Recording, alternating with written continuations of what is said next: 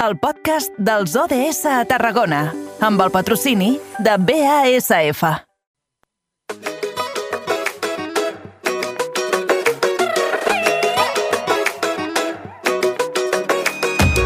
Saber-te els pulmons plens d'aire fresc que balla cada bater. en l'abraç d'aquest bressol. Ballem amb la dansa que porta el teu nom. Sento que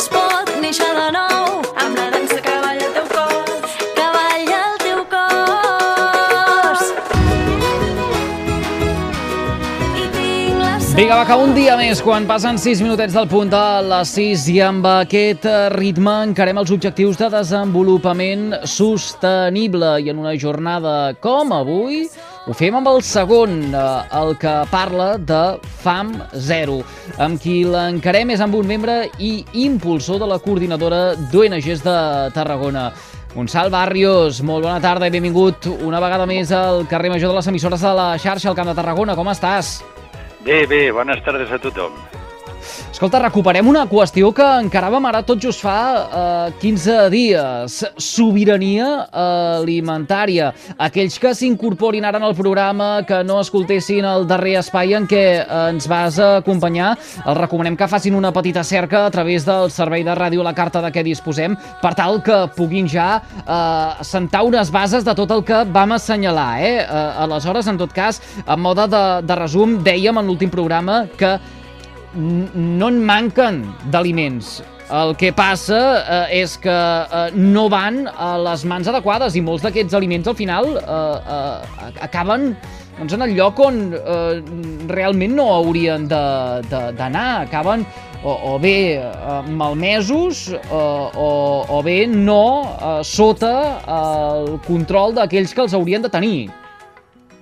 Sí, sí, això és així. Mira, dèiem a l'anterior programa que el principal problema contra el que ja van definir l'altre dia la sobirania alimentària ha estat el monocultiu, que es basa doncs, en extensions enormes de producció orientades a l'exportació, no? i com a conseqüència doncs, està sorgint un model de comerç on els països industrialitzats, que són aquests que produeixen la gran quantitat d'aliments, domina la producció dels aliments, podríem dir, bàsics, no? arròs, morès, blat, llet, carn, o inclús cereals per pinso, i actualment hi ha com una moda els biocombustibles, no? utilitzar cereals per biocombustibles, mentre que els països pobres doncs, produeixen cultius comercials tropicals com el cafè i cotó flors, però ja han perdut molta capacitat de produir els seus aliments. No?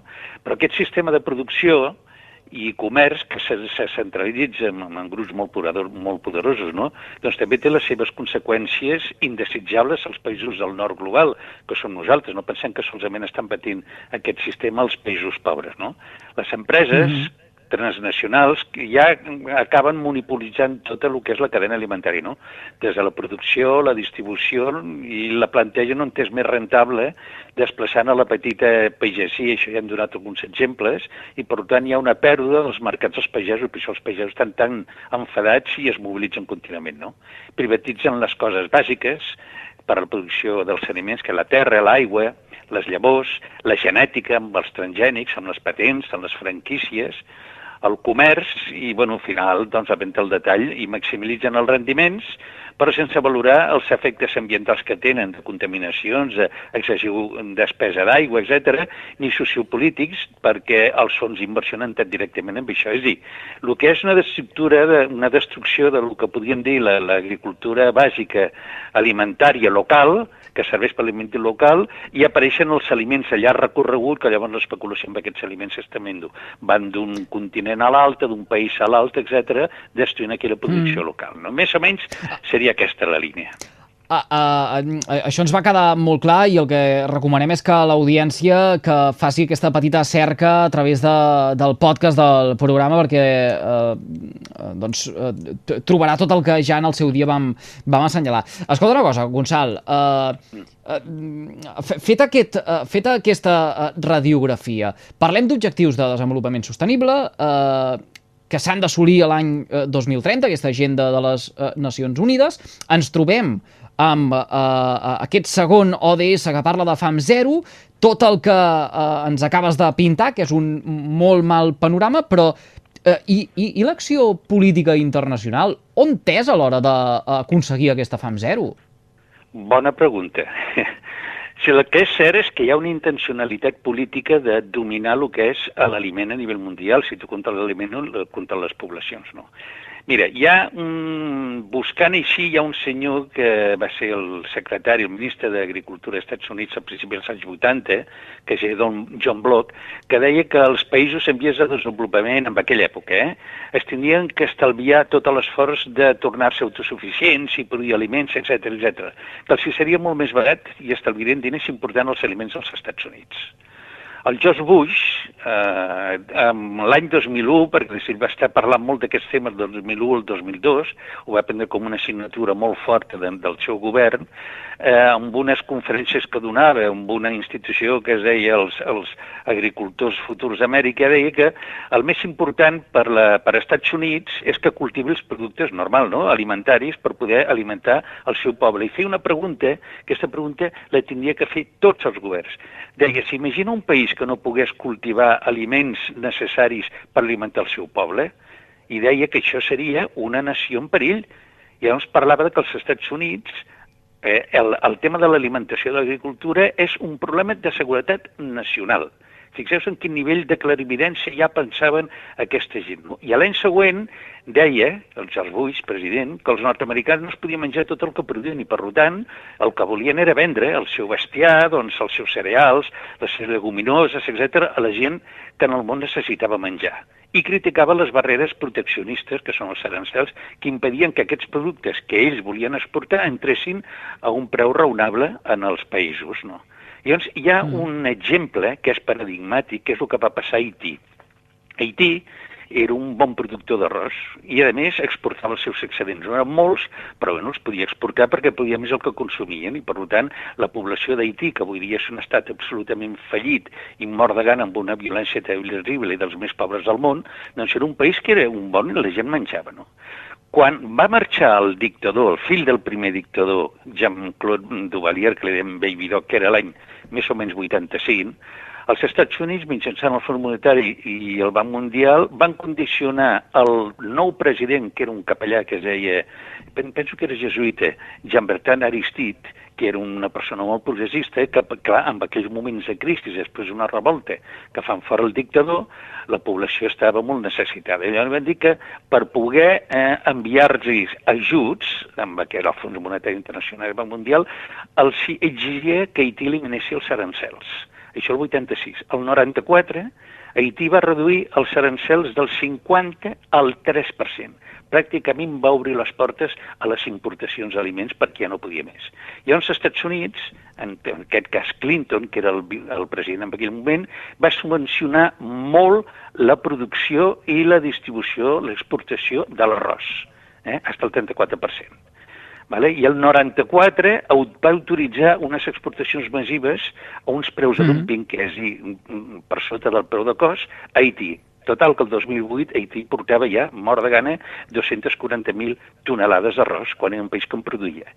El president Bill Clinton, que durant una època va ser eh, l'enviat especial de l'ONU per Haití, amb una, mm, amb una apareixença que va fer davant de la Comissió de Relacions Exteriors del Senat dels Estats Units, on va donar explicacions de lo que estava fent com a enviat especial de l'ONU a Haití, al mig un, un, un, del seu discurs i de forma sorprenent es va disculpar públicament per haver obligat Haití a reduir els arancels sobre l'arròs nord-americà importat i subsidiat durant el seu mandat.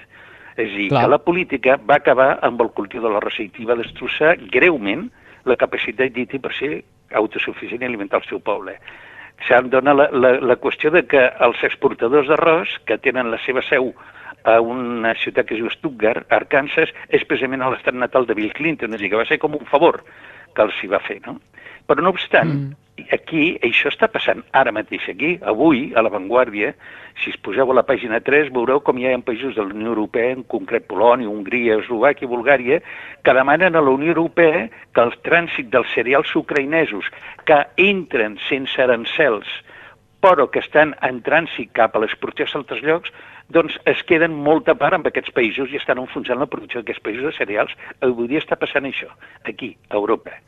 A Però a casa Tarragona- nostra, a, a, a, a- a casa nostra ta- tam- tam- també estem pa- patint uh, aquestes uh, uh, accions polítiques que determinen al final que un país pugui produir o, o, o no uh, perquè ja li entra de, de fora un, un, un aliment, un producte.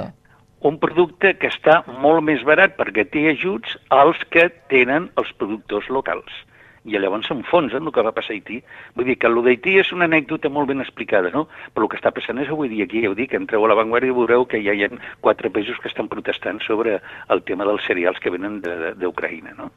Ah, Ara fas, ah, feies molt bé, tot just fa un momentet, d'assenyalar també a la, a la pagesia, no? el món rural, que deies, ostres, que es queixen sempre, però és que eh, es queixen amb raó, quan eh, aquestes polítiques al final eh, els eh, juguen totalment en, en contra. Exacte, exacte, així és. Llavors, què passa? Que aquí, en, el, en els països del nord, sí que hi ha uns ajuts, hi ha uns ajuts a l'agricultura que els països pobres no poden tenir ajuts perquè no tenen diners per ajudar a la seva agricultura, estan absolutament desatesos. Però sí, aquí sí que la tenim, que és la famosa PAC, no? Sí. Llavors, aquesta és la PAC, el que té uns objectius. Clar, la PAC es va implantar després de la Segona Guerra Mundial, quan hi havia unes necessitats d'alimentació a Europa tremendos. Llavors, el primer que es va fer als països que encara podien en aquells moments és inventar-se unes subvencions per augmentar la producció d'aliments i no tenir que importar i anar recuperant l'alimentació de la població europea. No? I tot això s'ha anat mantenint fins avui dia, però també una miqueta els objectius. Abans eren una producció, uns, uns ajuts a la producció directament, avui dia ja estan una miqueta matitzats perquè són ajuts doncs, a reequilibrar el poder de la, de, la, de la cadena alimentària, actuar contra el canvi climàtic, augmentar la competitivitat, eh, protegir el medi ambient, pre preservar els paisatges. Hi ha tota una carta que tu et vas adherint com un productor i que tu vas obtenint subvencions a mesura que vas, eh, diguem, assolint o, demanant o assolint una sèrie d'objectius a la PAC, no? I si la PAC ha canviat una miqueta i és una cosa completament diferent a la del principi, però és clar, tu me parles un país d'Àfrica o un país de Sud-amèrica i aquests objectius el l'únic que volen és alimentar la seva població perquè no la poden alimentar, no? Aquest és el tema. Déu nhi al final tots podem contribuir, eh? Uh, precisament uh, a, a, evitar que es maximitzi tant una problemàtica com és que uh, hi hagi llocs del uh, món on uh, s'estigui passant gana. Uh, la nostra acció hauria de ser també uh, contribuir en el consum del producte de quilòmetre zero, per tal de no haver de lamentar després situacions com les que uh, retratava uh, ara en, en Gonçal. Gonçal Barrios, t'agraïm moltíssim que un cop més ens hagis fet confiança i hagis compartit amb nosaltres aquests uh, minutets avui en directe al carrer Major. Una abraçada ben forta.